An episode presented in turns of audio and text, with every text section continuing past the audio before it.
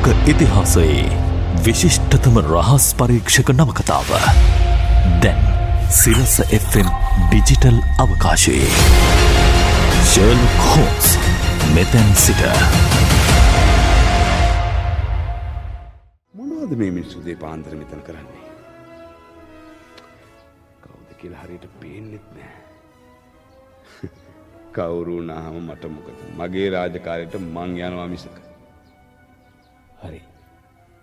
ඔන්න මිනිහයිනවා ලංවෙච්ච ගමන් මූුණ වැන්න ඔලුවට කබයිදාලා අස්ස කරත් ඇතුට දාකම හරි හරි හරි. මොනද කන්නගන්න මොකක්දක තේරුව වැඩි සද්ධනකුල එන ඇන්ඩ අපිත් එක්ක. නැත්තම් මොනම් නොස් දෙවිද කියලා කියන්න බෑ.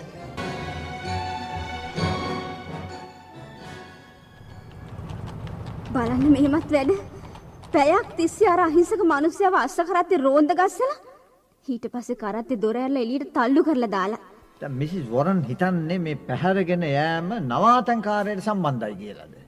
මට ඔබේ නවාතන්කාරයව දැක ගන්න ලොකුට ඕනකම තියෙනවා මිසිස් වොරන්. හරි. හරියට මේ කාමරේ ඉස්සරහා තියෙනවා කාමරයක්. අන්න අරකයි කාමරේ. සපත්තු ගලවලා ඇතුල් වෙන්න කන්නාඩිය තියලා තියෙන විදිහට අපට මේ කාමරය ඇතුළේ ඉඳගෙන ඉස්සරහ වෙන දේවල් සේරම බලාගන්න පුළුවන්. අන්න සීනෝ ගැහුවා. ඔන්න බන්දේසිය ගත්තා. බොහෝම හීනි අත් දෙකක්. අන්න අන්න ඒ එක්කම බන්දේසි ආපහු තිබ්බා. බොහෝම ලස්සන ගෑනුුණ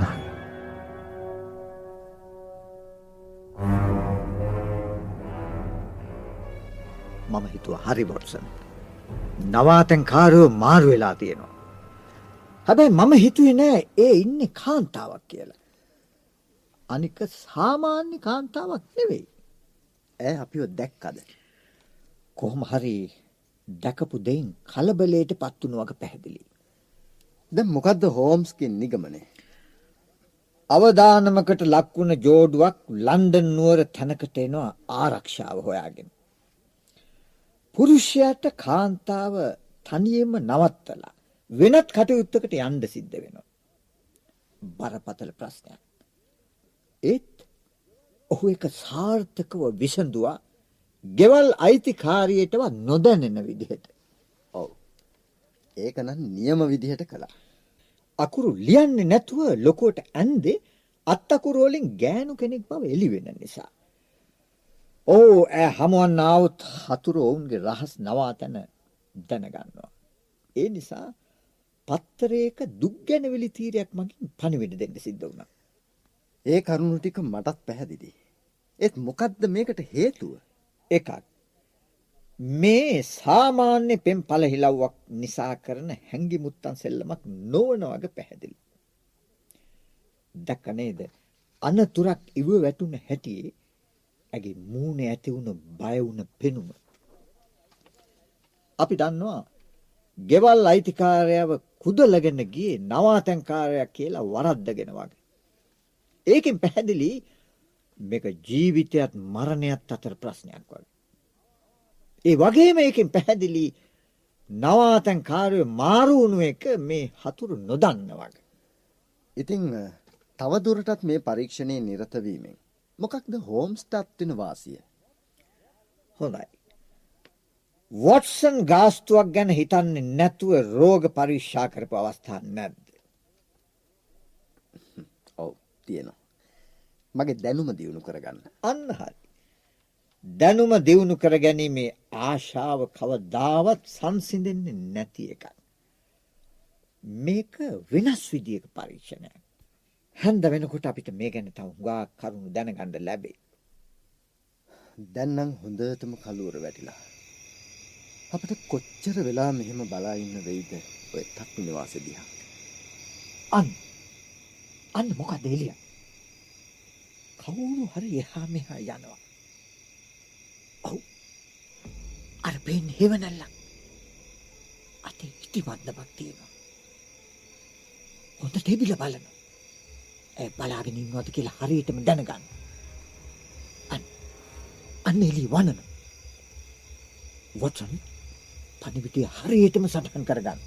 හරි මම ලෑස්තියි. එක පාරයි. එක පාරක් වනල නැවැත්තුවා. එතකොට ඒ අකුර පළවෙනි අකුර ඒ අකුර දෙන්නම ගණන් කරමු. නැත්තම් වරදින්න පුළුවන්. ඒ ගමන දිගටම එළිය වන්නනවා. මට ගැනෙන 20යි. වොටසන්ට මටත් 20යි. එතකොට T අකුර. ඒ T තේරුමක් තියෙනවා. ඒ ගමනත් 20යි. ඒ ටී ටී. මොකද්ද තේරුම? මෙහෙමයි. දෙවෙනි T අකුර දෙවෙනි වචනේ මුල අකුර වෙන්න ඇති. බලමු. එකයි දෙකයි තුනයි හතරයි පහයි ඊ අකුර අනයි. දා හතරයි දා හතරයි. එන්නම ඇත් තෙන් දහයට. දහයට මොකක් හරි යොදාගෙන ඇති. කො තව ඉවර නෑන. අර ආයෙත් පටන් ගත්ත. දිගටම වලනවා විස්සයි නේද. ඔව් විස්සයි තවත් ටී අකුරා අන්න ආයෙත් පටන් ගත්තා. එක වතාවක් වනල නතර කළ. එතකොට තවත් ඒ අකුරක්. මුළු පනිවිටයම ගත්තම අටෙන්ටා ඇත්තෙන් කියන එකින් කියන්නේ යම් දෙයක් දහයට යොදාගත්තයි කියමුකෝ. ඒත් මේ අන්තිම ඒ දෙකින් කියන්න මොකක්ද. කාගෙ හරි නමක මුලාකුරු වෙන්න බැරිද ඔව් එහෙම වෙන්ඩත් බැරි නෑ. අනායමත් ඒත් පත කියන්න දන්නේ හොඳට බලාගෙනඉදම මේ පාර. ඒකමයි. පණවිට ඒකමයි. අටෙන්ටා මේ වතාවේ එක දිගටම වේගයින් සංඥා කළා ඔව් එහෙම නං තනි වචනයක්. අන්න තුන්වෙනි වතාවටත් ඒ විදිටම සංඥා කරනවා බොහොම වේගෙන් කී වතාවක් මෙහෙම කරයිද නෑ ඒ ගමන නැවතුනා. ජනේලි ළඟිනුත් අයින් වුණා. වොටසන් හිතන විදියට මොකක්ද මේක තේරුණ. මං හිතන්නේ රහස් සංඥාවක්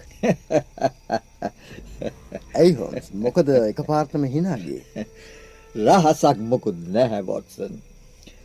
පනිවිඩේ දෙන්න තැනත්තගේ භාෂාව ඉංග්‍රීසි නෙවෙයි ඉතාලි. අන්තිම ඒ අකුරෙන් පැහැදිලි වෙන්නේ. ඒක කාන්තාවකට දුන්න පනිවිඩයක් කියන එකයි.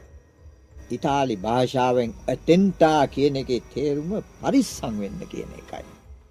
හරිනෙන්න භාෂාව ඉතාලි ඒ ගැන කිසිම සැකයක් නෑ. තුම් පාරක්ම එකම වචනය සංඥා කිරීමෙන් තේරෙනවා තත්ත්වය බරපතල වගේ. ඒත් පරිස්සම් වෙන්න කියන්නේ මොකකින්ද. අන්න අන්න ආයෙත් අර හෙවනැල්ල වැටන ජනල්ලඟ අන්න අයත් ඉටි පන්නගෙලිය අන්න අය සංඥාවක් මේ ගමන බොහෝම වේගෙන් එලිය වන්නනවා. ලියාගන්න. ලියාගන්න ඉක්මට ඉලක්කන්ටික. දාසය පහ දහට නමය තුන පහළව දොළහ පහළව එතකොට පිළිවෙලින් PERICOLO වොටසන් පිරිකෝලෝ කියන්නේ ඉතාලි භාෂාවෙන් අන්නතුරක් කියන එකයි. අන්න අයත් ඒ වචනෙම අන්න අන්න හිට ඇට එලි නිවුණ දැන්ගේ පලාතම තිත්ත කලුවරයි වොටසන් මෙතන මොකකරි භයානක දෙයක් සිද්ධ වෙනවා. නැත්තගේ පනිවිටි හිටි හිටිය නතර වුණේ. මේ කටයුත්තට ස්කොට්ලන්ඩයන් පොලිසි හවුල් කරගන්න ඕනේ. ඒත් මේ වෙලාවේ මෙතනින් ඉවත් වෙන එකත් නුවන්නට හුරු නැහැ. මම පොලිසියට යන්නද නෑ. අපි තත්ත්වය වඩා පැහැදිලිව තේරුම් ගන්න ඕනේ. යම් දුවලෑමු. කින් බලමු මොනවද කරන්න පුළුවන් කියලා. අන්න අන්න අර කාන්තාව එලියා දිහාව බලා ඉන්නවා. මං දැක්කා. නගින්න. නගින්න පටිපෙල. කවුද අර දොරකඩ හිටගෙන ඉන්නේ? හෝම්ස් මේ ගෙක්සන්නේ. ඔබ මෙතනට ආවේ මොන හේතුවක් නිසාද? ඔබ ආ හේතුව නිසාම තමයි. එත් ඔබ මේකට සම්බන්ධුනේ කොහොමද කියලා මට හිතාගන්න බෑ. වෙන නූලක් දෙකේ ආවත් පටලැවිල්ල එකමයි. මම ආවේ සඥාවස්. සංඥා ඔව්. අර ජනේලෙන් ඒ අතරමඟ නතර වුණා. අපි ආවේ හේතු හොයන්න. ඒ දැන් ඔබ මේ කාරණාවට මැදිහත් වෙලා ඉන්න හන්දා මමත් මේකට හවුල්ලන එකේ තේරුමක් නැහැ. පොඩක් ඉන්න හෝම්ස්. ඔබ මගේ සහයට ඉන්නවනම් ඒක මට හිතට ලොකු හයියක්. ඔහු කවුද? අන්න එතෙන්දී අපි ඔබට වඩා ඉදිරියෙන් ඉන්නවා මිස්ටර් හෝම්ස්. අපට ඒ ගෞරවය දෙන්න ඕනේ. ඔමින්න. ඔබට කෙනෙක් අඳුන්ලා දෙන්න ඕනේ. Mister Liverton. එන ටිකකට. ඔබව මිස්ටර් හෝම්ස්ට හඳුන්ලා දෙන්න. Mister Holmes. මේ තමා පින්කර්ටන් ඇමරිකන් රහස් පරීක්ෂණ සේවේ මිස්ටර් ලිවර්ටන්. ලෝන් අයිලන් දූපතේ ගල් ගුහාවේ අභිරහස විසඳපු වීරයා සන්තෝසයි අඳුන ගන්න ලැබුණා. මට ජෝජයානෝව කොටු කරගන්න ලැබුණොත් එක මගේ ජීවිතේ ලොකුම විජයග්‍රහණය මිස්ටර් හෝම්ස්. මොනවා? රෙඩ් සර්කල් කියන රහස් සමාජයේ එහෙනම් යුරෝපෙත් ඔහුට සෑහෙන ප්‍රසිද්ධියක් තියෙනවා. අපි නම් ඇමරිකාවේදී ඔහු ගැන දැනගන්න ඕනේ තොරතුරු සේරම හොයාගෙනයි තියෙන්නේ. අපි දන්න ඔහු මිනිමරුන් 50ක් කරවලා තියෙන වගේ. ඒත් ඔහුට විරුද්ධව ඉදිරිපත් කරන්න පැහැදිලි සාක්ෂි නැහැ. මම නිව්යෝක් වල ඉඳලම ඔහු පස්සෙන් ආවා. ලන්ඩන් නුවරට ඇවිත් සුමානයක් තිස්සේ ඔහුගේ හෙවනැල්ල වගේ ළඟට වෙලා ඉන්නවා. අත්වැරද්දක් වෙනකම් අත්අඩංගුවට ගන්න. අපි මේ තට්ටු නිවාසට එනකල්ම ඔහුගේ පස්සෙන් බාවා. ඇතුල් වෙන්නයි පිට වෙන්නයි තියෙන එකම දොරයි. ඒ නිසා අපෙන් බේරලා පැනලා යන්න බෑ. ඔහු ඇතුල් වුණාට පස්සේ තුන් දෙනෙක් පිට වුණා. ඒත් මට හොඳටම විශ්වාසයි ඒ එක්කෙනෙක්වත් ඔහු නෙමෙයි කියන එක. මිස්ටර් හෝම්ස් සංඥා වගේක් ගැන කතා කළා. එතකොට ඔබත් මේ ගැන අපි නොදන්න කරුණු හුඟක් දන්නවා. ඔව්. ඉටිබන්දන් එළියකින් සංඥා කරලා පරිස්සම් වෙන්න අනතුරක් කියලා දැනුම් දුන්නා. එහෙමනම් ඔහුට අපි ගැන ඉව වැටිලා. මොකද්ද එහෙම හිතන්න හේතුව? ඔහු තමන්ගේ හවුල්කාරයෙකුට පණිවිඩය දෙන අතරේ ඔබම කිව්ව විදිහට ඔහුගේ පණිවිඩය සඳහන් වුණේ පරිස්සම් වෙන්න අනතුරක් කියලා. ඒ පණිවිඩය දෙන අතරේ අපි වීදියේ ඉන්න වගේ දකින්න ඇති. නැත්තම් වෙන විදිහකින් දැනගෙන වහාම ක්‍රියාත්මක වෙන්න ඇති. අපි මොකද දැන් කරන්නේ මිස්ටර් හෝම්ස්? අපිම උඩට ගිහින් බලාගනිමු. ඒත් ඔහු අත්අඩංගුවට ගන්න අපි ළඟ බලපත්‍රයක් නැහැ. ඔහු පාලු ගයක් ඇතුළට වෙලා ඉන්නවා සැක සහිත අන්දමට. ඒ කාරණාව හොඳටම තැහෙනවා. අල්ලගත්තට පස්සේ බලමු ඔහු රඳවා ගන්න අපට නිව්යෝක් වලින් උදව් ලැබෙයිද කියලා. දැන් අත්අඩංගුවට ගැනීමේ වගකීම මම බාර ගන්නවා. යමු ඉක්මන් කරමු. දොර බාගෙට ඇරලා. අරගෙන යමු ඇතුළට. තිත්තකරුවලයි. වොට්සන් ගහන්න ගිනි කූරක් මගේ සාක්කු ලන්තෑරම පත්තු කරගන්නිමු. මොනවා? මොනවද මේ? ලේ පැල්ලම්.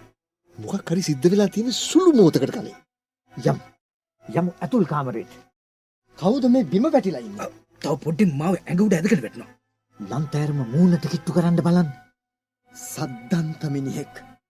රැවුල සම්පූර්ණයෙන්ම ගාලා. මූණ බය හිතෙන විදිහට විකෘති වෙලා. කොමට බලන්න. දෙයනේ මේ ජෝර්ජියානුනේ එන්න. හරියටම උගුරු දණ්ඩටමයි කිරිසෙන් ඇල්ල තියෙන්නේ. කවුරුනත් මිනිහ අපට ඉස්සර වුණා. මේ තියෙන ඉටිපන්දමක් තාමත් පත්තු වෙවි. ජනල් පඩි උඩ. මෙහාට දෙන්න ඕක. මොනවද ඔය කරන්නේ? මොකටද ඉටිපන්ද මෙහාට මෙහාට වනන්නේ? හරි. ඔන්න ඉටි බන්ධම නිවල පැත්තකට වීසි කලා. මං හිතන්නේ මං කරපු වැඩේ ප්‍රතිඵල තියේ.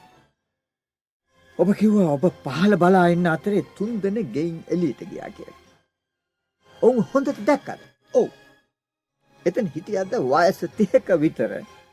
පැහැපත් නැති. මධ්‍යම ප්‍රමාණය. මූණ පුරා රැවුල වවපු කෙනෙක්. ඔව්. ඔහු තමා අන්තිමටම පිට වෙලා ගියේ. ඔබට අවශ්‍ය කරන තැනැත්තා ඔහු බවට කිසිම සැකයක් නෑ. මට පුළුවන් ඔහුගේ හැඩරුව ඔබට විස්තර කරන්න. අනික ඔහුගේ පැහැදිලි අඩි සටහනක් මෙතන තියෙනවා අපිට. එය ඔබට ප්‍රමාණවත් වෙයි. නෑ මිට. හෝම්ස්. ලන්ඩන් නුවර මිලියන ගානක් ඉන්න නගරයක්. ඔවු ඇත්ත. ඒ නිසා තමයි මං අදහස් කළේ මේ කාන්තාව ඔබ ඉදිරියට ගෙන්න්න. මොනවා හරිම ලස්සන කාන්තාවක්. එනම් ඇය තමා මේ අභිරහස් නවාතැන්කාරිය. දේශන ඔබහු මරා දමලා ඔබහු මරා දමල නේද? මොනවා? අන්තිමේදි දුෂ්ටයට වෙන්න ඕන දේ වුණා. අන්තිමේදි දුෂ්ටයට වෙන්න ඕන දේ වුණා. ඒත් ඔබ ඔබ පොලිසියෙන් නේද? ඔබද කිසිප් ජෝජයානුව මැරුවේ? අපි පොලිසින් තමයි මැඩම් ඒත් ඒත් කෝහෙතකොට ජෙනාරෝ? ජෙනාරු ලෝක? ඔහු තමයි මගේ ස්වාමි පුරුෂයා මම එමිලිය ලූක අපි දෙන්නමාව නිවියෝක්කොල ඉඳලා කෝ ජෙනාරෝ ඔහු මෝතකට කලින් මේ ජනලිමට සංඥා කලානේ මං ඒකම දුවගෙනාව මමයි ඔබට එන්ඩ කියල සඥා කළේ. ඔබ ඔබ ඔබේ සඥා ක්‍රමේ අමාරුව එකක් නෙවෙයි. ඔබත් මෙත නිදීම අවශ්‍යයි. ඒ නිසයි මම එන්න කියන අදහස දෙන්න වියනි කියන ඉතාලි වචනය සංඥා කළ. මට හිතාගන්න බෑ. මට හිතාගන්න බෑ ඔබ කොහොමද මේවා දන්නේ කියන එක. ගිසෙප් ජෝජයාන කොහොමද මේ විදිහට හරි හරි දැම් මට තේරෙනවා. මගේ ජෙනාරෝ හැම විපතකින්ම මව මෙතෙක් කල්ල ආරක්ෂා කරගත්ත මගේ නිර්බීත එඩිතර ජෙනාරු තමයි මේක කළේ. ඔහු තමයි මේ යක්ෂව මරා දැම්මේ. ඔබ හරිම දක්ෂයෙක් මට ඔබගෙන ආඩම්බරයි ජෙනාරු. මේ බලන්න මෙසෙස් ලෝකා ඔබ කවුද කියන එක මට තාමත් හරියට පැහැදිලි නෑ. ඒත් මේ වනතෙක් ඔබෙන් කියවුණු දේවල් අනුව අපට ඔබ ස්කොට්ලන්ඩ් යාට්වලට කැඳවාගෙන යන්න සිද්ධ වෙනවා. පොඩකින් ඉන්ස්පෙක්ටර්. මම හිතන්නේ මේ කාන්තාව අපිට අවශ්‍ය කරුණු කැමැත්තෙන්ම ඉදිරිපත් කරයි. ඔබ මේ කාරණාව තේරුම් ගන්න ඕන මැඩම්. මේ අපි ඉදිරියේ බිම වැටිලා ඉන්න මිනිහගේ මරණය සිදු කිරීම ගැන ඔබේ සැමියාව අත්තඩංගුවට අරගෙන නඩු පවරන්න සිද්ධ වෙනවා. ඔබ කියන දේවල් සාක්ෂි වශයෙන් ඉදිරිපත් කරන්න සිද්ධ වෙනවා. ඒත් ඔබ හිතනවනං ඔහු ක්‍රියා කළේ අපරාධයක් කරන්න අදහසින් නෙවෙයි කියලා. ඔහුට ඒ කරුණු වසං කරන්න අවශ්‍ය නැහැ කියලා. ඔබට තියෙන්නේ මුළු කතාවම අපිට කියන එකයි. ඕ ජෝජයානු මලාට පස්සෙ මට බයවෙන්න හේතුවක් නැහැ. ජෝජයානු යක්ෂයෙක් දුෂ්ටෙක් ඔහු මැරීම ගැන මේලෝකෙ කිසිම කෙනෙක් මගේ සැමියට දොස් පවරණ කන්නේ. එහෙම නං අපි මේ කාමරේ අගුල් දාලා මේ කාන්තාවත් එක්ක ඇගේ කාමරයට ගිහින් ඇගේ කතාවා හමු. එතකොට අපිට පුළුවන් නිගමනයකට එන්න.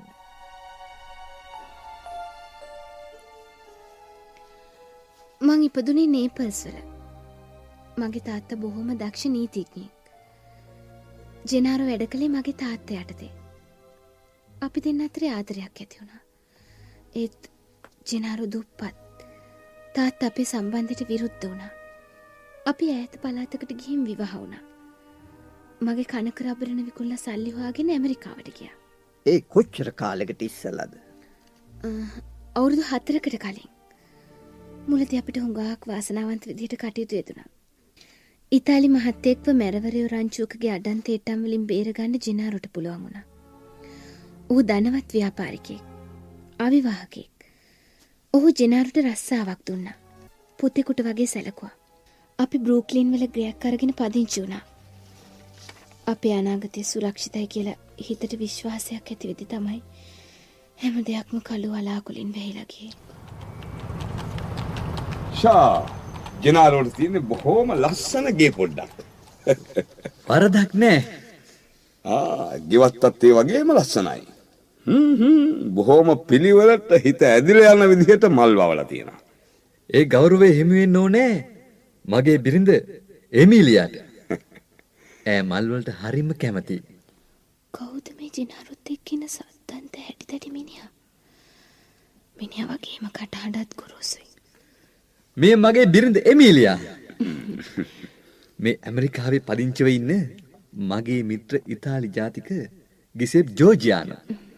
ෂා ජනාලෝට ඉන්න බොහෝම ලස්සන බොහොමත්ම ලස්සන භාර්යාවක්. ලස්සන ගයක් ලස්සන ගෙවත්තක් දැන් ලස්සන භාර්යාවක්. ජනාරුව හැම අතින්ම වාසනාවන්තයෙක්. බොහෝම සන්තෝසයි අඳුන ගන්න ලැබුණට. වාඩි වෙන්න. බොම ස්තුතියි. එමිලියා අපට බොන්න මොකවත් එපා එපා එපා. මේ වගේ ලස්සන කාන්තාවක් දිහා බලන් ඉන්න ලැබී මම සතුටක්. මහ වාචාල කටක්. මගේ දිහා බලන්නේ තරයට ගිලින්ඩ වගේ. කිසිම සංවරකමක් නෑ. ජිනාරු මේ වගේ මිනිියක එක මොකට යාලුනාද වන්දා. මිසිස් ලෝකා බර කල්පනාවක වැටිල වගේ. මොකද? නෑ නෑ මොකුත් නෑ. අපි මේ සංවිධානය පුළුවන් තරම් දුරට ශක්තිමත් කරන්න ඕන ජනාරෝ. ඔව්. අපි අපේ අරමුදල් තර කරගන්න ඕන. ඇමරිකාවෙන්න හැම ඉතාලි ජාතිකයෙක්ගෙන්ම ආධාර ලබා ගන්න ඕන. ආධාර දෙන්න අධිමදි කරණයට විරුද්ධව බොහොම තදින් කටයුතු කරන්න ඕන. ඔව්. ඒ කටයුතු වලදී මට ජනාරෝගේ උපරිම සහයෝගය ලැබෙන්න ඕන. හොඳයි. එහෙමනම් මට අද වැඩි වෙලාවක් රැඳිල සතුරු සාමිච්චිය දෙන්න විදියක් නෑ. තව වැඩ කටයුතු හුඟක් තියෙනවා. මම වැඩියම ආවේ ගේ බලාගන්න. මන්ද යන්න. මම ළඟදිම දවසක ආයෙත් එනවා. හොඳයි. අපි යනවා මිසිස් ලෝකා. හොඳයි. ජෙනරු ඇයි ඇයි ඔබ බය වෙලා වගේ බය වෙලා නෑ මොකද නැත්තේ ඔබ මට මොනවා නමුත් වසන් කරන්න හදනවා. කවුද මිනිහා? මං කිව්වේ ඇමරිකාවේ ජීවත් වන ඉතාලි ජාතිකයෙක්. මම ඉතාලියේදී ඔහු අඳුනනවා. කවුරු වුණත් මට හිතෙන්නේ අපේ පවුලේ සාමය නැති කරලා ආවේ යකෙක් කියලා.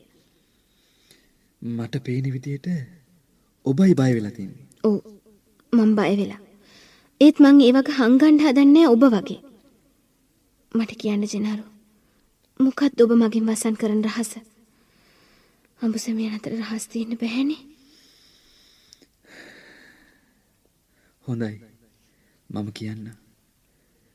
මේ කාල කලබල වෙන්න විතරක් එපා. මට පොරොන්දු වෙන්න ඔබ කලබල වෙන්නේ නැහැ කියලා. ඔව් මම පොරොන්දු වෙනවා. මම ගැටවර අවදියේ රෙඩ් සර්කල් කියන රහස් සමාජයේ සමාජිකෙක් වුණා. ඒකේ කොන්දේසි හරිම භයානකයි. දරුණුයි. ලේ වලින් අස්සම් කරලා දෙවුරුම් දෙන්න ඕනේ. ඒ ඉතාලියේ ඉන්න කාලේ.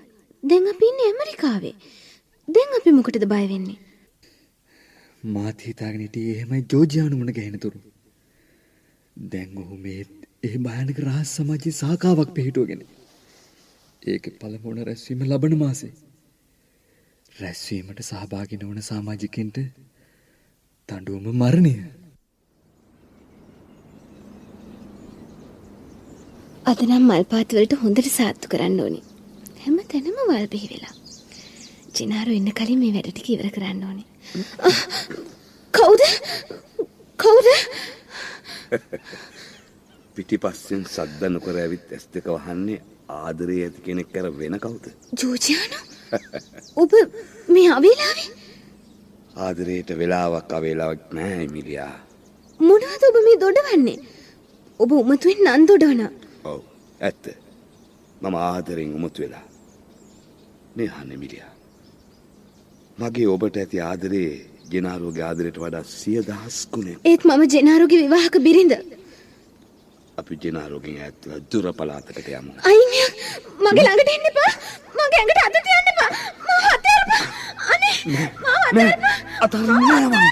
අනේ දෙයියනේ මම බේරගන්න. එමීලියා දැන් මග බලාගෙන ඇති. මොනවා? ජෝර්ජියානු! ජෝර්ජියානු! එමීලියාව තරපන්.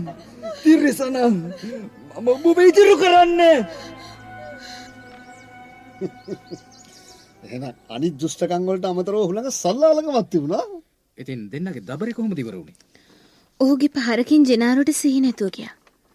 ඔහු පැනලා දිව්වා. ඊට දවස් කීපයකට පස්සේ තමයි අර රැස්වීම යෙදුනේ. ඒ රැස්වීමේදී ජෙනාරුට භයානක රාජකාරියක් පැවරිලා තිබුණා. මොකක්ද ඒ රාජකාරිය? රහස් සමාජයේ අර මුදල් සර කරගන්නේ ධනවත් ඉතාලි ජාතිකයෝ බය කරලා මුදල් ලබාගෙන. මුදල් නොගෙවන අයට වද හිංසා පවුනන බවට තර්ජනය කළා. ඔව්. ඉතින් අපිට පියෙක් වගේ උදව් උපකාර කරපු කැස්ටලොට් ගෙන තෝන් මුදල් ඉල්ලුවා. ඔහු තර්ජනවලට බයි නොවී තර්ජනාත්මක ලියුම් පොලිසියට යොමු කළා.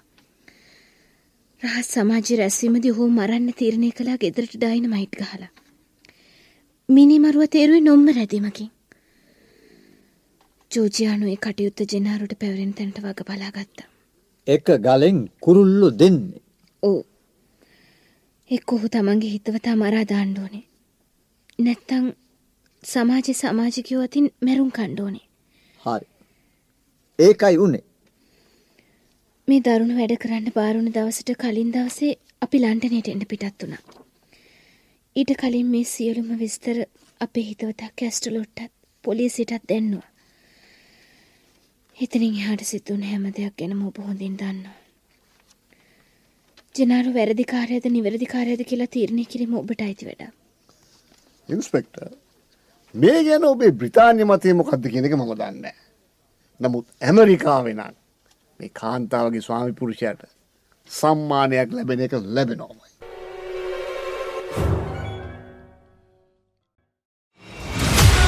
ජර්ලොක් හෝම්ස් සෑම අඟහරුවාදා සහ බ්‍රහස්පතින්දා දෙනකම සවස හතරට සිරස FM YouTube නාලිකාව ඔස්සේ.